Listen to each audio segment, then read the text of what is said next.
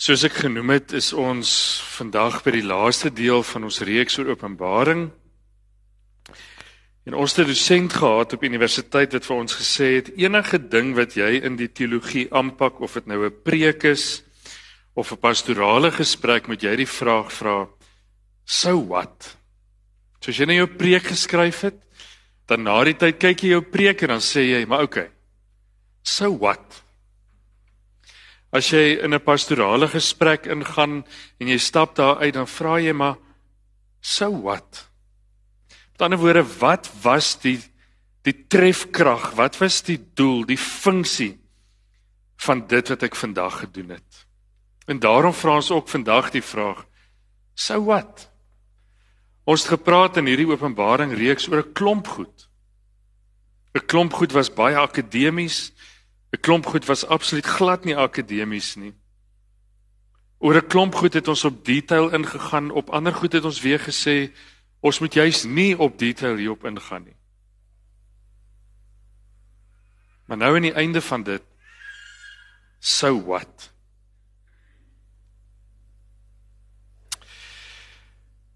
Ons het 'n paar dinge gedoen. Ons het gekyk na die doel en die struktuur van Openbaring. En ons gesê daar's so 'n paar bewegings in Openbaring of drie scenes in Openbaring. Ons het ook gesê die doel van Openbaring was nie om 'n klomp blou drukke te gee van hoe dit eendag gaan wees of hoe dit gaan wees wanneer die wederkoms aanbreek of hoe dit gaan wees wanneer die die nuwe hemel en die aarde eventually aanbreek nie. Ons mekaar gesê Openbaring is 'n stuk gereedskap en hierdie stuk gereedskap se naam is 'n apokalips.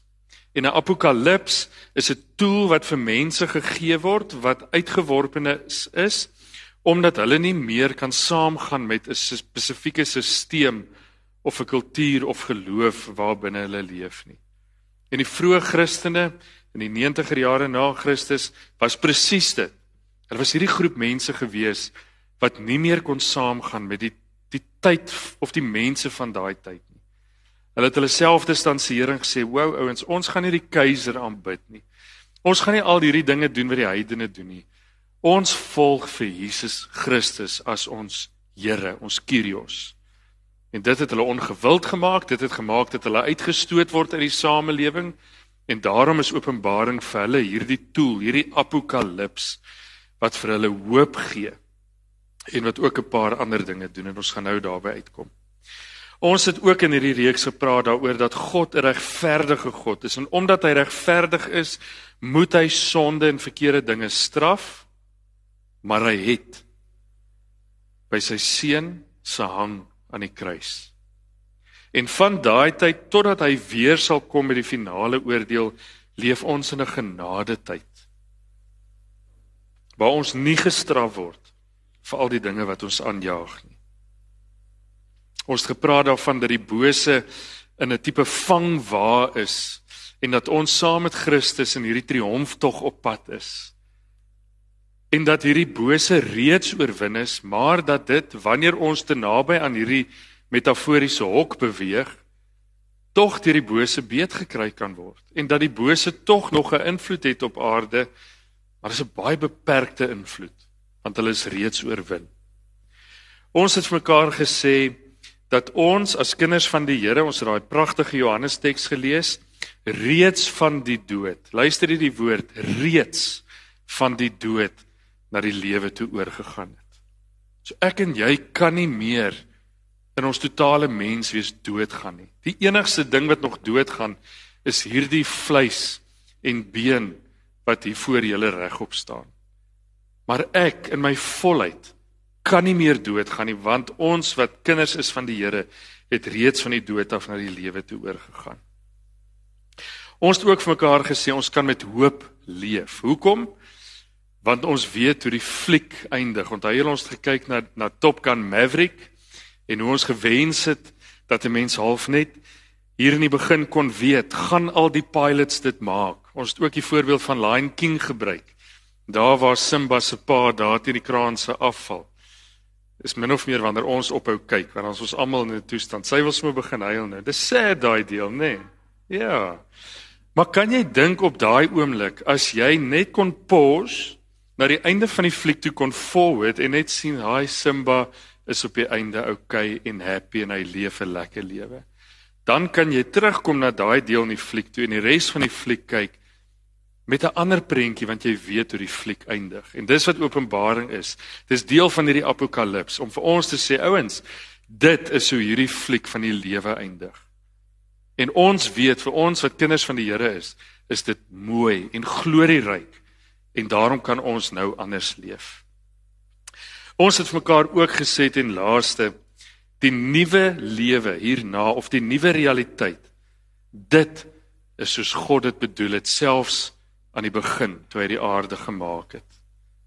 Verlede week het ons gesê Openbaring 21 en 22 skets vir ons hierdie skildery, hierdie prentjie van 'n nuwe tuin van Eden. Waar die boom, die boom van die lewe vir 12 maande van die jaar vrug dra. So daar's nie 'n einde aan hierdie boom van die lewe nie. Hy dra altyd vrug.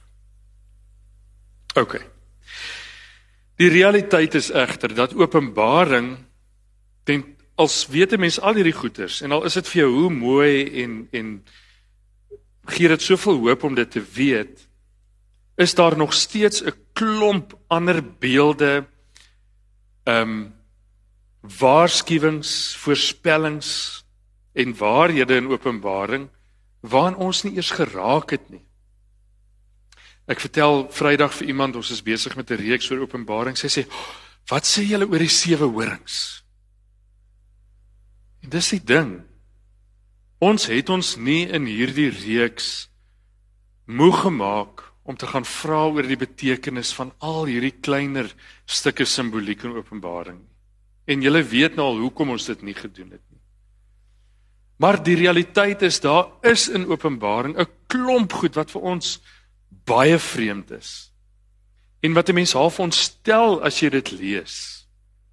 Want dit klink wreed of dit klink onnodig of dit klink net soos een of ander horror movie as jy dit lees. En die hartseer effek van dit is dat dit baie keer maak dat wanneer ons Openbaring lees, ons eintlik daar wegstap met meer vrae as antwoorde dat ons eintlik in ons nood na Openbaring toe kom en Openbaring lees om daarin vir ons hoop te kom vind en dan ontstel dit ons so erg dat ons eintlik erger daar wegstap as toe ons Openbaring gaan lees het. Dis nie nice nie, is dit? Dit voel baie keer vir ons of Openbaring hierdie laaste hoofstuk in God se handboek is wat ons moet bestudeer en onder die knie moet kry en moet slaag in God se lewenseksamen voordat ons regtig vir God kan verstaan of vir God kan ken. En ons ons boelie onsself want ons sê weet jy as as ek nie openbaring kan verstaan nie dan is ek nie gelowig volwasse nie of 'n volwasse gelowige nie want ek kry dit nie onder die knie nie. Openbaring is 'n massiewe stuk misterie. Ek onthou ek was op hoërskool gewees toe daar 'n klomp geld by die regering weggeraak. Ek kan nie eens onthou waaroor dit was nie. En toe hulle nou met een van die ondersoekbeamptes 'n onderhoud voer en hulle sê, "But what happened to this money?" Toe begin hy sy reply en sê, "Ma'am, to be honest with you, we know honestly that it's a mystery." En dis my so waar van Openbaring ook. Hoe moet ons Openbaring verstaan? Wat presies beteken dit? To be honest, it's a mystery en los dit so. Want dis juis in hierdie groot misterie van Openbaring in hierdie beeldryke dinge wat Johannes vir ons skets, in hierdie vreemde goed, in hierdie goed wat vir ons voel dis te groot vir ons koppe om te verstaan. Dis te wow om onder die knie te kry. Maar daar iets met ons gebeur. In ons harte. Dis wanneer ek kan sê ek moenie Openbaring so met my kop probeer verstaan nie. Ek moet Openbaring toelaat om met my hart te praat. Dis wanneer ek sê ek moenie met my kop probeer om hierdie misterie te ontleed en te beskryf nie. Ek moet Openbaring met my hart lees. Dis dan wanneer Openbaring sy funksie sy sou wat begin doen in my lewe. Dis lekker en interessant om al die dinge te gaan navors en doen dit. Daar's niks fout daarmee nie. Maar as jy dit nie reg kry nie of as dit nie vir jou sin maak nie, moenie jouself boelie nie. Want jy kan nie na Openbaring, jy kan nie na 'n Apokalips met jou kop kyk nie. Jy moet met jou hart kyk. En juis in hierdie mistieke realiteit van Openbaring lê daar vir ons 'n stuk skat. En die funksie van hierdie skat, dit wat hierdie skat doen is, is om vir my en vir jou te herinner onder andere hoe groot en gans anders God is. Ek is 'n persoon wat baie maklik verveeld raak. So ek pak 'n nuwe ding aan en as ek kom bemeester dit, dan raak ek verveeld met dit. Kan jy dink as 'n ou soos ek Openbaring 100% kon verstaan en God 100% kon verstaan? Dan sou ek verveeld geraak het. Maar die feit dat daar altyd net nog 'n dimensie, nog 'n vlak van God is wat ek ontdek en wat ek nie verstaan nie en wat ek wat ek hom mee moet leer ken dan raak ek al hoe dieper in my verhouding met God. Want ek besef net dat hy oneindig groot is. En help die feit dat hy eintlik onbeskryflik onverwoordbaar groot is. My juis in moeilike tye in my lewe in stormagtige tye. Want die onmeetbaar grootte God is daar my reg op te hou.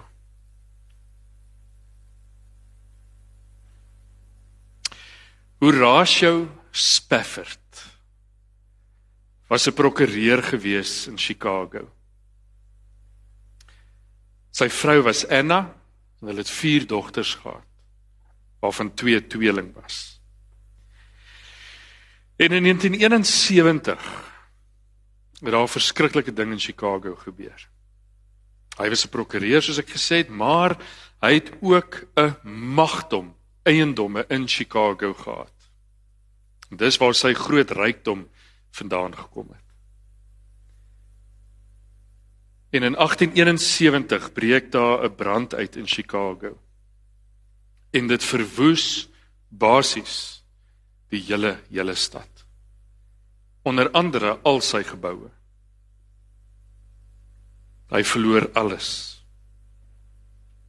Vir 2 jaar na die brand probeer hulle om te herbou wat herboubaar is. Hulle probeer nader skraap wat hulle mee kan om te kan oorleef.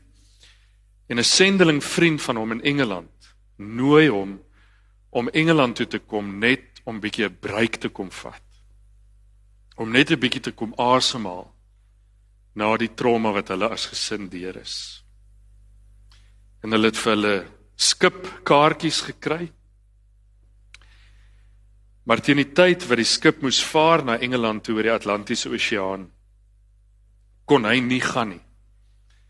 Want hulle het hersonering gedoen in Chicago en hy moes agterbly om betrokke te wees by die proses. So hy stuur toe sy vrou en sy vier dogtertjies stuur hy met die skip alleen so lank vooruit en dan sal hy so 2 weke later by hulle aansluit. Dit was in 1873. En op 22 November terwyl Anna en hulle vier kinders op die skip op pad is, is hulle skip in 'n botsing betrokke met 'n ysterertskip en sink die skip. En 226 mense op die skip is dood. Waaronder sy vier dogtertjies. Anna oorleef. Hy kry 'n paar dae na die tyd hierdie telegram. Die eerste woorde daar op die 4de lyn saved alone.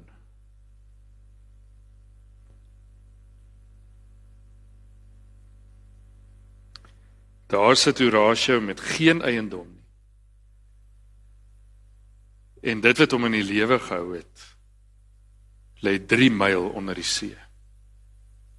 Sy vrou is in Engeland saved alone.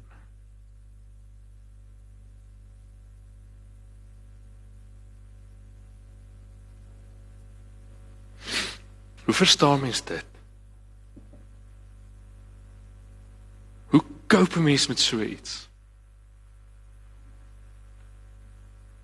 Hoe deel 'n mens met so groot stuk seer? Hoe hoe gaan die lewe aan na dit.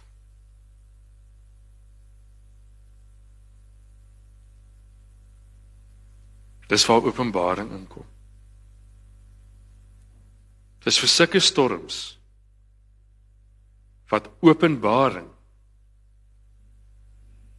ook 'n apokalips is. Openbaring 21 vers 3 tot 5.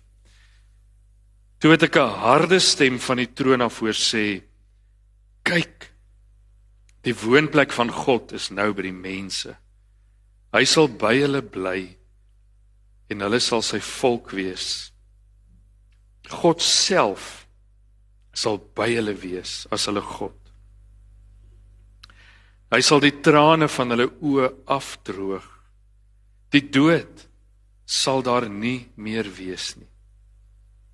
Ook leed, smart en pyn sal daar nie meer wees nie.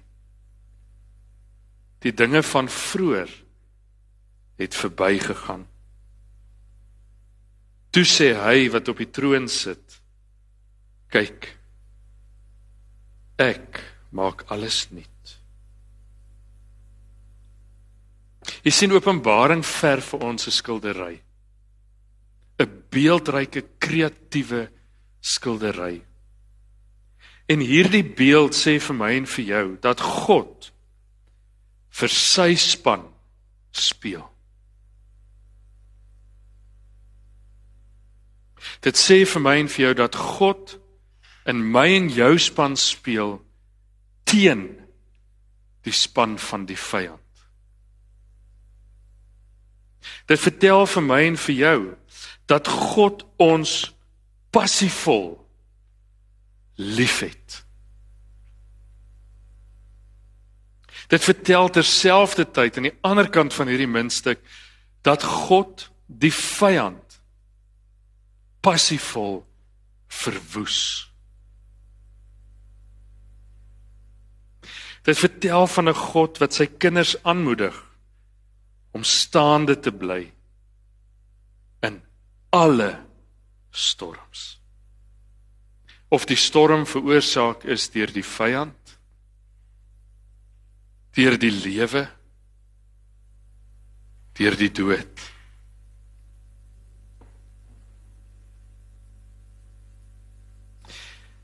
Hierdie skildery is 'n getuienis van dit wat aanderkant ons seer die dood angs en lyding lê.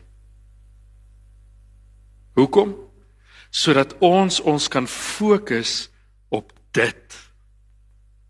Dit wat aanderkant ons eina lê.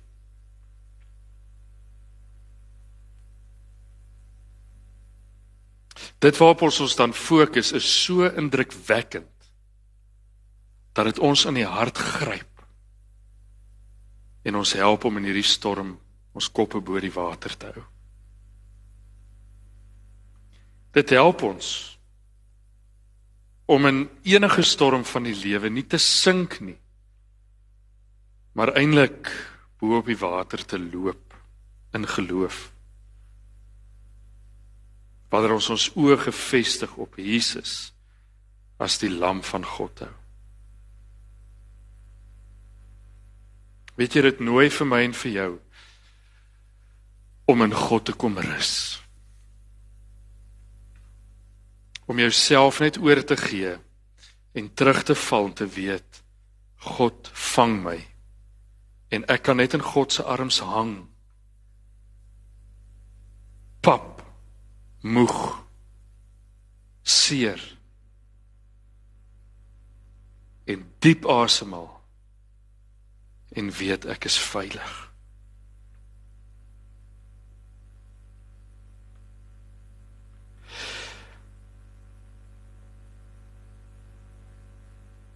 Een paar dae nadat Horatio se kinders dood is, klim hy ook op 'n skip. Op pad Engeland toe om sy vrou te gaan haal. En in die nag kom maak die kaptein hom wakker. Hy sê vir hom luister. Ons is oor 'n paar minute op die punt in die vaart waar die ongeluk was. Ons is oor 'n paar minute reg bo waar jou kinders 3 myl onder die water lê op die bodem van die see.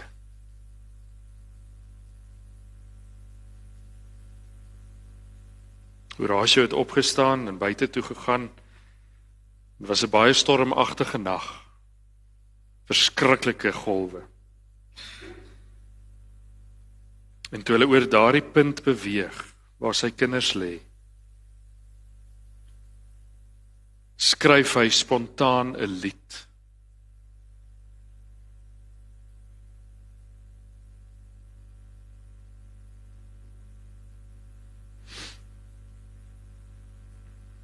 Openbaring help dat mense soos ek en jy